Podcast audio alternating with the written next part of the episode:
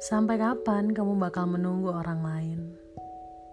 Sampai sejauh mana kamu berusaha menguatkan dirimu sendiri dan meyakinkan dirimu sendiri bahwa orang yang kamu nanti akan berbalik arah dan berlari ke arahmu?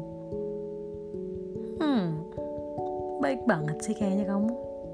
Apa gak capek? Apa gak capek berharap sama sesuatu yang sebenarnya gak pernah menganggap kamu penting gitu? Tapi nggak tahu deh, mungkin aja nih. Kamu dan dia sama-sama menunggu, atau kemungkinan paling buruknya cuman kamu yang lagi nunggu. Podcast anak tangga episode kali ini bakal ngangkat satu realita yang sering kita lihat. Tentang harapan, tentang orang-orang yang berprasangka baik dan selalu percaya bahwa akan ada kesempatan di mana kepercayaan dia menjadi nyata. Kepercayaan apa? Ya kepercayaan bahwa yang tadi mereka tunggu akan datang ke mereka. Hmm, relate sama ceritanya? Kayaknya hampir semua manusia pasti pernah mengalami ini deh. Menanti sesuatu dan berharap bahwa mereka akan datang gitu kan. Tapi coba aku ajak kamu berpikir, tapi sebelumnya kamu relax dulu. Mungkin bisa sambil rebahan atau kalau lagi di jalan coba digedein volume suaranya sambil kamu tetap konsentrasi di jalan. Aku gak mau dong kamu kenapa-napa karena dengerin ini. Aku bakal ngajak kamu berpikir sebuah logika sederhana tentang penantian. Bahwa sesungguhnya kalau kamu itu penting buat mereka, kamu gak perlu menanti orang untuk datang ke kamu, karena mereka akan datang dengan sendirinya ke kamu, karena kamu penting. Tapi kalau ternyata mereka tidak pernah menganggap kamu penting, mereka hanya mengulur-ngulur waktu untuk datang ke kamu, dan itu menyakitkan, kan? Jadi, mau sampai kapan? Mau sesakit apa kamu menanti? Atau sederhananya gini deh. Kamu punya kesempatan untuk membahagiakan dirimu kan?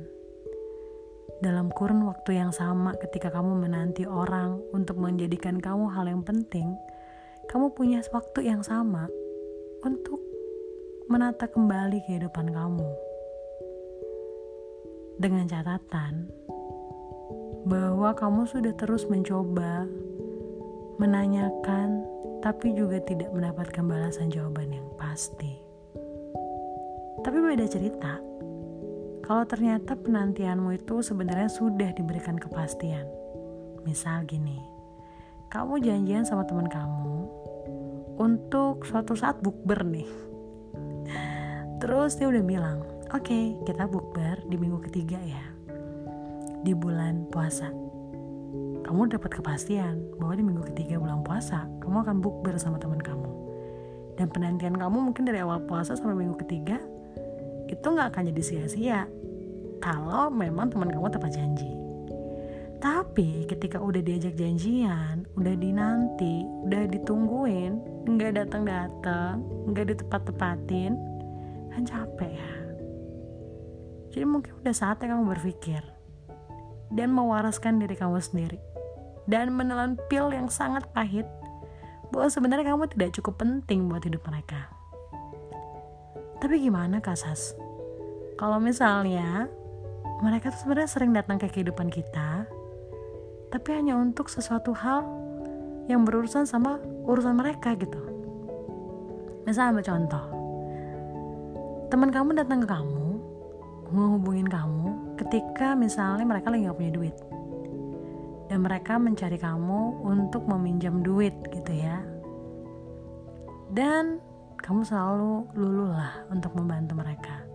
Dengan harapan suatu saat kamu pun punya kesempatan yang sama untuk minta tolong ke mereka. Dalam porsi yang berbeda atau mungkin dalam porsi yang sama. Tapi ternyata pada saat kamu membutuhkan waktu mereka membutuhkan pertolongan mereka mereka nggak datang sama sekali perasaan kamu gimana? Sakit kan? Ini bukan masalah hitung-hitungan, bukan masalah ikhlas nggak ikhlas. Ini masalah adil atau nggak adilnya. Kamu berhak loh untuk memperlakukan baik orang lain. Dan yang paling penting, memperlakukan dirimu dengan baik. Kalau kamu punya kesempatan untuk bahagia, kenapa kamu memilih jalan yang menyakiti dirimu sendiri? Sekali-sekali bolehlah kamu bersikap tegas ke mereka, memberi rambu-rambu tentang apa yang menyakiti kamu ke mereka. Emang mungkin bisa menimbulkan konflik ya, tapi mudah-mudahan dari konflik yang muncul kalian berdua atau kalian nih ya kalau dalam skupnya besar punya pengertian yang sama bahwa menghargai itu nggak bisa satu arah tapi dua arah. Menganggap penting tidak bisa satu arah tapi dua arah. Dan proses ini bisa membuat koma dalam hubungan kalian. Akan terus berjalan bukan tanda titik tapi koma.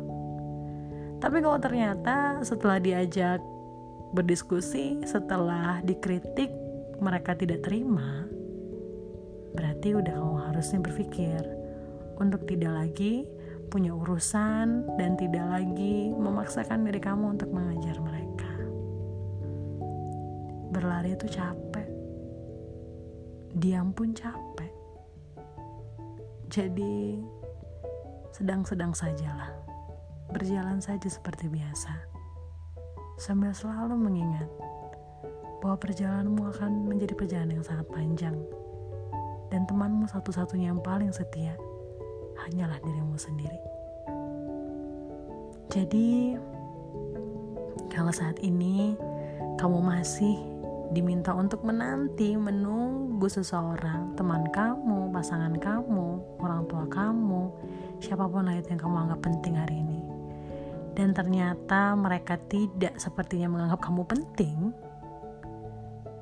hal yang pertama kamu bisa lakukan adalah konfirmasi ke mereka,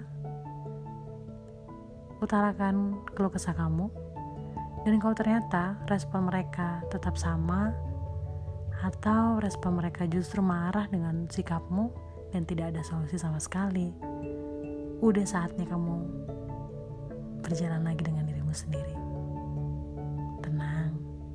semua pasti akan baik-baik saja.